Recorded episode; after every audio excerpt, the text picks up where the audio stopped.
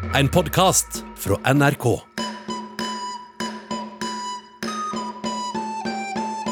Den voldelige serien Squid Game om desperate folk med gjeld opp til øra som konkurrerer i et dødelig spill, har blitt historisk. For den dystopiske thrilleren har nemlig passert alle tidligere strømrekorder på Netflix noensinne. Squid Game is a universal hit.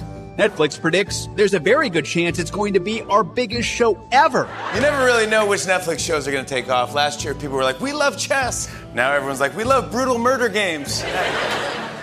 Men lenge lå pitchen til regissør Wang Dong-huk i en skuff. For sørkoreanske TV-selskaper mente at seerne ikke ville kunne relatere seg til det mørke universet, der folk var villige til å ofre livene sine for velstand. Men så skulle store endringer i samfunnet gjøre serien aktuell. Du hører på Oppdatert. Jeg heter Ragna Nordenborg. Dette her, at Squid Game har blitt så stort som det har blitt, det er faktisk helt utrolig å tenke på. Nicolai Johnsen har bodd i Seoul i mange år, og skriver nå doktorgrad om sørkoreansk historie i London. For det er en koreansk serie hvor de snakker koreansk, og, og folk over hele verden binsjer det her nå i, i ni timer. Ja, og faktisk så ligger jo denne serien nå på toppen i hele 90 land.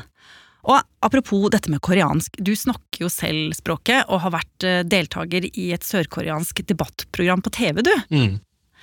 Men Nikolai, denne serien som nå hele verden snakker om, den kunne jo egentlig ikke ha blitt noe av. Kan ikke du fortelle hvordan denne historien begynte? I 2007 så hadde den sørkoreanske filmregissøren Hwang Dong-hyuk han hadde akkurat slippet sin første spillefilm eh, i Korea. Og det gikk sånn passe. Det var ikke noe flopp, men det var heller ikke noe stor suksess, så han sleit økonomisk. Ja, og å være blakk, mislykka og ha gjeld, det er jo ikke lett for noen. Men kanskje særlig ikke i Sør-Korea, som jo er et land som veldig mange omtaler som et hyperkapitalistisk samfunn, hvor da jaget etter status er altoverskridende, og familien er sikkerhetsnettet, f.eks., ikke Nav. Og hva gjorde Wang i denne perioden? Eh, I den perioden så satt han da mye på kafé og leste manga, altså japanske tegneserier. Eh, og han fantaserte om eh, hvordan det ville være å være med i konkurranser selv, hvor han da med livet som innsats kjempa for å vinne store mengder penger. Og det var jo da han fikk ideen, egentlig. Å lage en historie om tilstandene i det sørkoreanske samfunnet, vist gjennom et brutalt spill hvor deltakerne konkurrerer om en stor pengepott gjennom enkle barneleker, men der taperen blir drept. Og dette her fikk jo Huang virkelig tenning på, og han satte seg ned og begynte å skrive. Hvordan begynte han å bygge denne historien, Nikolai? Vi veit jo ikke akkurat hva han eh, begynte å skrive om, men han skrev jo da om en eh, hovedkarakter som var en slags Donald Duck-type skikkelse. Altså Hovedkarakteren i Squid Game, eh, Song Gi-hun, han er jo en taper med strøjobber som forsørges av moren sin. Han er i dyp gjeld, og han stjeler jo da pengene til moren sin og bruker de på, på veddeløpshester. Så han er et tydelig symbol på hvor vanskelig det er å komme seg opp og frem da, i det sørkoreanske samfunnet hvis ikke du er født velstående. Og mye av det han skrev, hentet han jo også direkte fra sitt eget liv. Og spesielt oppveksten i Seoul og arbeiderklassestrøket han vokste opp i. Mm. Faren til eh, Hang Dong-hyuk eh, døde tidlig, så han ble oppdratt av bestemoren sin, som jobbet på et marked, eh, og var med henne der ofte. Da. Og de bodde i Sangmundong i Seoul. Det er et område som ikke er særlig bra. Nei, men det var jo også andre ting Huang speila fra sitt eget liv. Dette med at han mot alle odds hadde kommet inn på det mest prestisjefylte universitetet i Sør-Korea, Seoul National University, da han var en ung mann. Det stemmer. Eh, I serien er det også en annen hovedkarakter, eh, Songu, som fremstår som vellykket. Og akkurat som Hwang Dong-yak så kom han inn på dette universitetet mot alle odds. Og disse to hovedkarakterene, eh, han som virker vellykket og han taperen, de er da begge modellert på to ulike sider av regissør Hwang Dong-hyuk. Men det var ikke bare statusjaget i Sør-Korea han henta inspirasjon fra. Han skrev også inn barneleker som han selv vokste opp med på 70- og 80-tallet i Korea. Sånn som Squid Game. Ja, det stemmer. Det, denne leken det er da den aller voldsomste leken som han selv pleide å leke som barn. Eh, det er en lek hvor deltakerne kjemper for å komme seg fra bunnen til toppen på en akkar som er tegna på bakken. Det er da to lag eh, hvor det ene laget prøver å fysisk stoppe det andre, nesten som rugby uten ball. Og med disse lekene, eh, karakterene og hendelsene som spant ut fra hans egen barndom, så lagde han en pitch som han forsøkte å forføre produksjonsselskapene med. Han brukte da hele 2009 eh, på å gå rundt til eh, alle tenkelige filmprodusenter og TV-stasjoner i Korea, men han fikk da nei fra alle han eh, spurte. De mente at innholdet var ubehagelig og altfor voldelig, og de likte rett og slett ikke manuset hans. Nei. Så hva gjorde han da? Han ga opp. Han la det prosjektet til side og begynte heller å jobbe på nye filmer. Eh, så isteden det han gjorde, var at han lagde en film eh, som er basert på en sann historie om seksuelle overgrep mot eh, døve barn. En film som kalles Silenced. Og denne filmen ble jo en kjempesuksess i Sør-Korea og fikk massiv oppmerksomhet, og overgrepsloven i landet ble til og med endra. Og da begynte det jo endelig å ordne seg for Wang. Og han lagde flere suksessrike filmer i årene som kom. Og i 2018 skulle det skje noe som skulle bringe ideen han hadde lagt på is for ti år siden, altså det som skulle bli Squid Game, opp igjen. Og hva var det, Nikolai? Eh, noen nær han, som kjente til manuset, eh, sa til han at han burde prøve å lage Squid Game eh, igjen. Da kanskje som en tegneserie for nett. De mente ideen hadde fått ny aktualitet fordi samfunnet hadde utviklet seg, blitt enda kaldere og konkurransen da enda hardere enn for bare ti år siden. Ja. For etter finanskrisen i 2008 så økte virkelig klasseforskjellene i Sør-Korea. Plutselig hadde bare de rikeste råd til å kjøpe leilighet inn i byene uten å bli gjeldsslaver, og med det fikk stadig flere folk en lang og utmattende pendlevei. Og de unge de ble kjørt knallhardt for å kunne klare å komme seg inn på de dyre og prestisjetunge utdanningsinstitusjonene. Og med bl.a.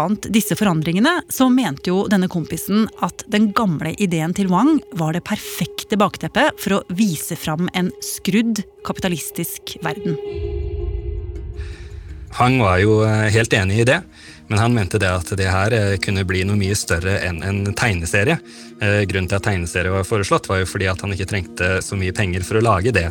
Men eh, Hang Dong-yak han visste at det var en helt ny storaktør på banen også i Korea, nemlig Netflix. Ja, og det er jo ingen hemmelighet at Netflix de siste årene har satsa stort på å produsere ikke-engelsktalende filmer og serier. Og i tillegg så var jo i denne perioden allerede verdens øyne rettet mot kulturlandet Sør-Korea. Både gjennom de store k-pop-bandene BTS og Blackpink.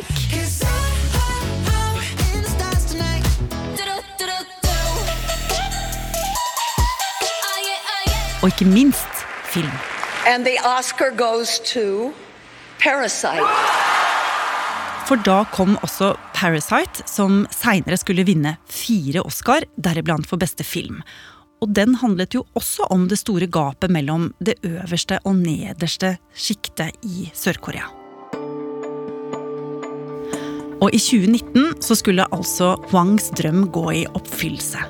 Han fikk ja fra strømmegiganten Netflix. Men Nikolai, det skulle jo ikke bli noe lett videre framover for ham. Hva var det som skjedde? Huang hadde jo skrevet det manuset sjøl, eh, men ikke bare det. Nå skulle han jo både regissere og produsere den serien her. Eh, og samtidig eh, som det, så blei jo både verden, Korea og innspillinga kasta inn i pandemien. Og det ga jo naturligvis store konsekvenser for innspillingen også. Det førte til store forsinkelser. Og Hwang Dong-yak har selv fortalt at det blei så mye stress at han faktisk mista seks tenner under innspillingen av Squid Game. Ja, og det sier jo litt om hvor langt han var villig til å gå for å realisere dette. Ja, eh, og om hvor mye da som kreves for å få realisert drømmene sine, eh, og hvor hardt eh, han faktisk pressa seg for å få lage denne serien.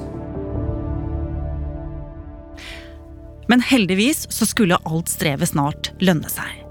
For 17.9. i år ble Squid Game lansert på Netflix. Og mange kunne kjenne seg igjen i elementer av det de så. F.eks. scenen med barneleken Rødt lys, hvor 456 deltakere konkurrerer på en arena hvor det står en stor metalldukke med ryggen til deltakerne.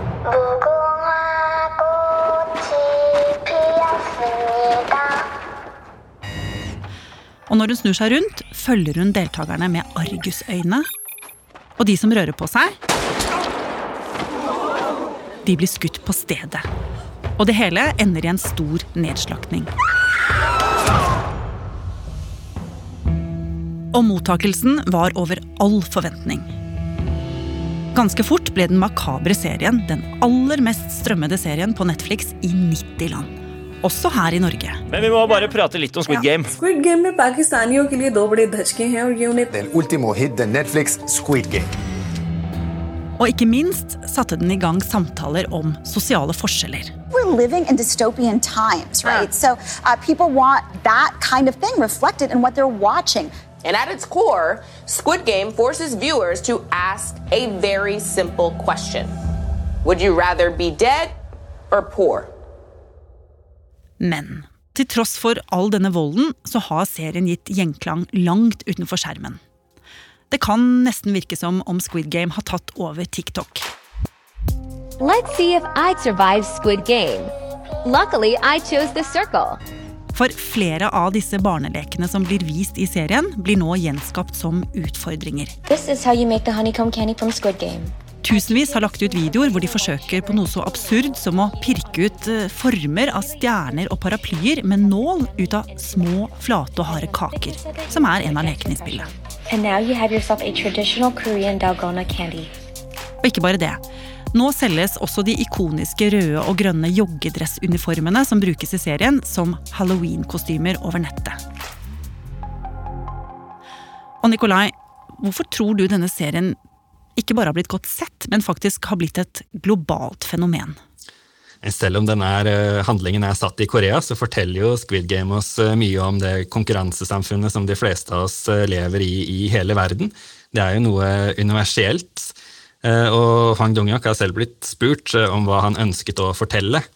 Og han har sagt det at noe som også hovedkarakteren nevner i serien, er at han vil finne ut hvem er disse menneskene på toppen som behandler sårbare mennesker som om de skulle vært arbeidshester istedenfor for mennesker. Mm. Og han sier jo også selv at eh, koronaen har gitt folk et eh, nytt blikk på verden, f.eks. da vaksinekappløpet, som har vist hvor eh, urettferdig verden kan være. Og det tror jeg er en, en av grunnene til at folk har omfavnet denne serien. Men Nikolai, denne serien er jo, som jo du nå har fortalt oss, blodig og brutal. Noe den også har fått kritikk for. Vi har jo til og med lest om skolebarn som leker disse dødslekene nå i skolegårder rundt omkring. Men serien har jo også høsta kritikk for andre ting. Ja, den har jo fått kritikk for, for å være veldig lik eh, visse scener i japanske tegneserier og filmer. Noe som eh, Hang Dong-hyuk sjøl har svart at kom etter han skrev dette manuset i 2009. Eh, og I tillegg til det, i Korea så har han fått kritikk for en sexscene i denne serien. Som da har fått kritikk for at det sies at den er kjønnsdiskriminerende fordi den da viser damer som bruker sex som et middel i samfunnet for å komme seg framover. Og det kan jo da gi et negativt kvinnesyn. Ja. Men til tross for denne kritikken, så er jo Squid Game en supersuksess.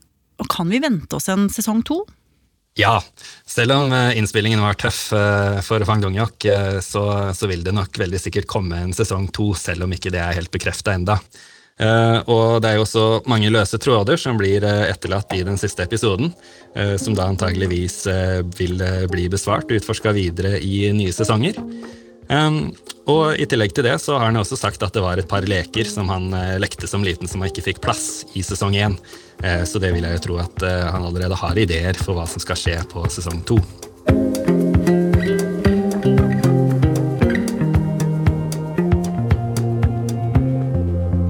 har du lyst til å bli fast lytter av oss i Oppdatert og få påminnelse om nye episoder, er det bare å følge oss i NRK radioappen. Og så er det veldig hyggelig hvis du vil anbefale oss til en venn. Oppdatert er en podkast fra NRK Nyheter, og denne episoden er laget av Kaja Kirsebom, Mariann Strand, Pål Gauslå Sivertsen, Andreas Berge og meg, Ragna Nordenborg. Programredaktør er Knut Magnus Berge. Vil du kontakte oss, gjør gjerne det på oppdatert krøllalfa nrk.no. Du har hørt en podkast fra NRK. Hør flere podkaster og din favorittkanal i appen NRK Radio.